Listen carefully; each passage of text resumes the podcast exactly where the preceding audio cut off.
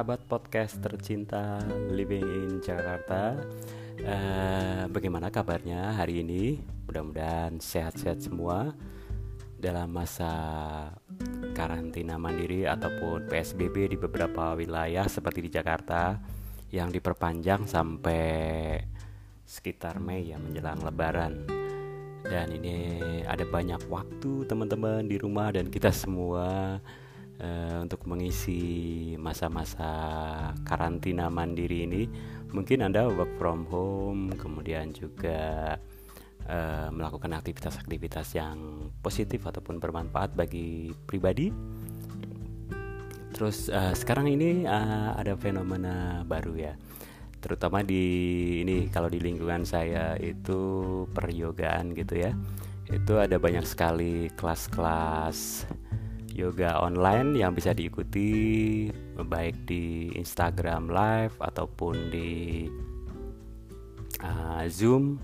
Zoom mungkin untuk yang private ataupun berbayar ya terbatas karena harus ada link ataupun ID dan password. Kemudian ada di Skype ada di YouTube dan itu banyak sekali guru-guru. Biasanya pagi ya antara pukul 7 sampai 9 itu adalah prime time guru-guru yoga mengadakan sharing online. Teman-teman yang uh, suka beryoga mungkin bisa mengikuti ya kelas-kelas ini baik yang gratis maupun berbayar. Uh, kemudian juga banyak sekali event-event sekarang ini yang diselenggarakan secara online. Ini juga teman-teman dari PPYNI yaitu Perkumpulan Praktisi Yoga Nasional Indonesia ini juga mengadakan selama Ramadan ini sharing online semacam festival jadinya ya. Uh, setiap hari itu akan ada tiga kelas ataupun tiga slot waktu yang bisa diikuti baik berupa sharing asana yoga, latihan yoga, praktis yoga gitu ataupun talk show. Jadi ngobrolin seputar hidup sehat gitu ya ataupun hal-hal yang bisa dilakukan selama berpuasa Ramadan terkait dengan nutrisi, dengan olahraga ataupun hal-hal lain seperti meditasi gitu ya untuk menghilangkan kecemasan dan kekhawatiran kita selama karantina mandiri ini. Kadang-kadang kita kan uh, informasi itu terlalu banyak jadi uh, kita kadang nggak bisa sharing juga dan sebagian besar informasi itu bikin kita cemas gitu ya semakin kita dengar oh si ini meninggal ataupun ada hal-hal yang uh, mungkin nggak benar ataupun benar pun kadang-kadang bikin kita cemas karena namanya ini virus baru ya. Jadi kita nggak pernah tahu bagaimana cara menularnya. Meskipun kita sudah dikasih tahu bahwa ini akan menular melalui droplet uh,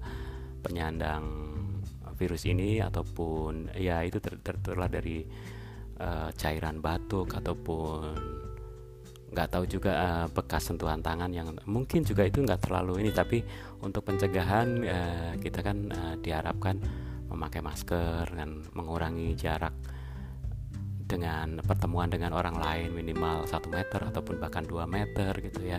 Tidak berada di kerumunan banyak orang karena kita nggak pernah tahu orang yang sedang kita dekati itu uh, positif COVID-19 atau enggak ya kan? Karena ada banyak sekali uh, kasus ternyata orang yang tidak menampakkan gejala tapi ternyata pas dites swab gitu COVID-19. Nah, itu yang kita nggak ingin terjadi ya tertular uh, eh, COVID-19. Biasanya yang riskan sampai meninggal itu karena ada penyakit lain kebawaan ya seperti diabetes, kemudian asma ataupun jantung. Cerita seorang teman yang penyintas COVID-19, saya baru saja ngobrol sama beliau. Beliau itu kena sekitar uh, akhir Maret ya. Kemudian alhamdulillah akhirnya setelah dirawat 25 hari di rumah sakit uh, kemarin keluar. Uh, sudah boleh diperbolehkan pulang ke rumah tetapi harus karantina mandiri. Jadi di rumah pun juga menjaga jarak dengan orang-orang rumah baik istrinya anaknya atau anggota keluarga yang ada di rumah uh, sebisa mungkin. Meskipun sudah negatif ya tes terakhir negatif. Itu setelah saya tanya uh, gejala awalnya tuh hampir nggak ada. Ataupun sebelumnya memang uh, sempat sakit diare sempat dirawat di rumah sakit selama sekitar semingguan gitu terus udah pulang udah sehat ya. Sehat kemudian beberapa hari kemudian ter, uh, kambuh lagi diare lagi gitu ya. Terus pas periksa ke rumah sakit dites sekalian dites karena memang sudah waktu itu sudah masa-masa ini ya musim COVID-19 ternyata uh, beliau dinyatakan positif. Jadi harus dirawat di rumah sakit di karantina. Uh, dan itu setelah di tracking gitu kemungkinan dia tertular uh, dari temannya yang sudah beberapa hari jauh hari sebelumnya uh, teman saya ini pernah bertemu dengan temannya itu dan temannya itu ternyata positif gitu ya. Padahal se kita ngiranya waktu itu ada tetangganya yang terkena uh, apa? COVID-19 tapi ternyata tidak karena uh, kontak dengan yang tetangga itu justru enggak. Jadi malah dari orang yang jauh itu diperkirakan ya. Jadi kita memang nggak pernah tahu kapan kita tertular ataupun dengan siapa tapi itu bisa di tracking mungkin ya bisa kalaupun itu kita ingat gitu ya kita jujur uh, pernah ketemu siapa aja dan mungkin dari dari sekian pertemuan itu ada yang positif COVID-19 gitu. Dan ya syukur alhamdulillah teman saya itu sudah keluar dari rumah sakit. Dan ketika dirawat pun ternyata teman saya itu tidak tidak ada gejala-gejala yang umum ya. Uh, diarenya juga sudah sembuh terus tidak batuk juga tidak demam tidak tenggorokannya tidak apa gatal ataupun itu tidak sesak napas juga enggak. Jadi selama di rumah sakit hanya diinfus dikasih vitamin makan rutin gitu ya. Dan uh, benar-benar di karantina nggak boleh pergi ke mana-mana selain ke kamar kecil ya tapi ngobrol sama teman seruangan bisa karena jarak dari apa tempat tidurnya itu memang sudah diatur sekitar 2 meter. Dan kontak uh, dengan keluarga juga nggak boleh. Nggak boleh uh, ada yang besuk ataupun mengirim makanan juga itu akan diseleksi juga. Di, dibersihkan dulu baru boleh kemudian diberikan tapi ya itu tadi kayak kata teman saya sih hampir nggak nggak merasa sakit cuman kayak jadi harus istirahat aja gitu ya. Itu selama perawatan. Jadi intinya memang kita harus uh, menaati peraturan pemerintah. Jadi kita sebaiknya stay at stay at home uh, diam di rumah aja kecuali harus memang pergi nah kita harus uh, mau nggak mau ya.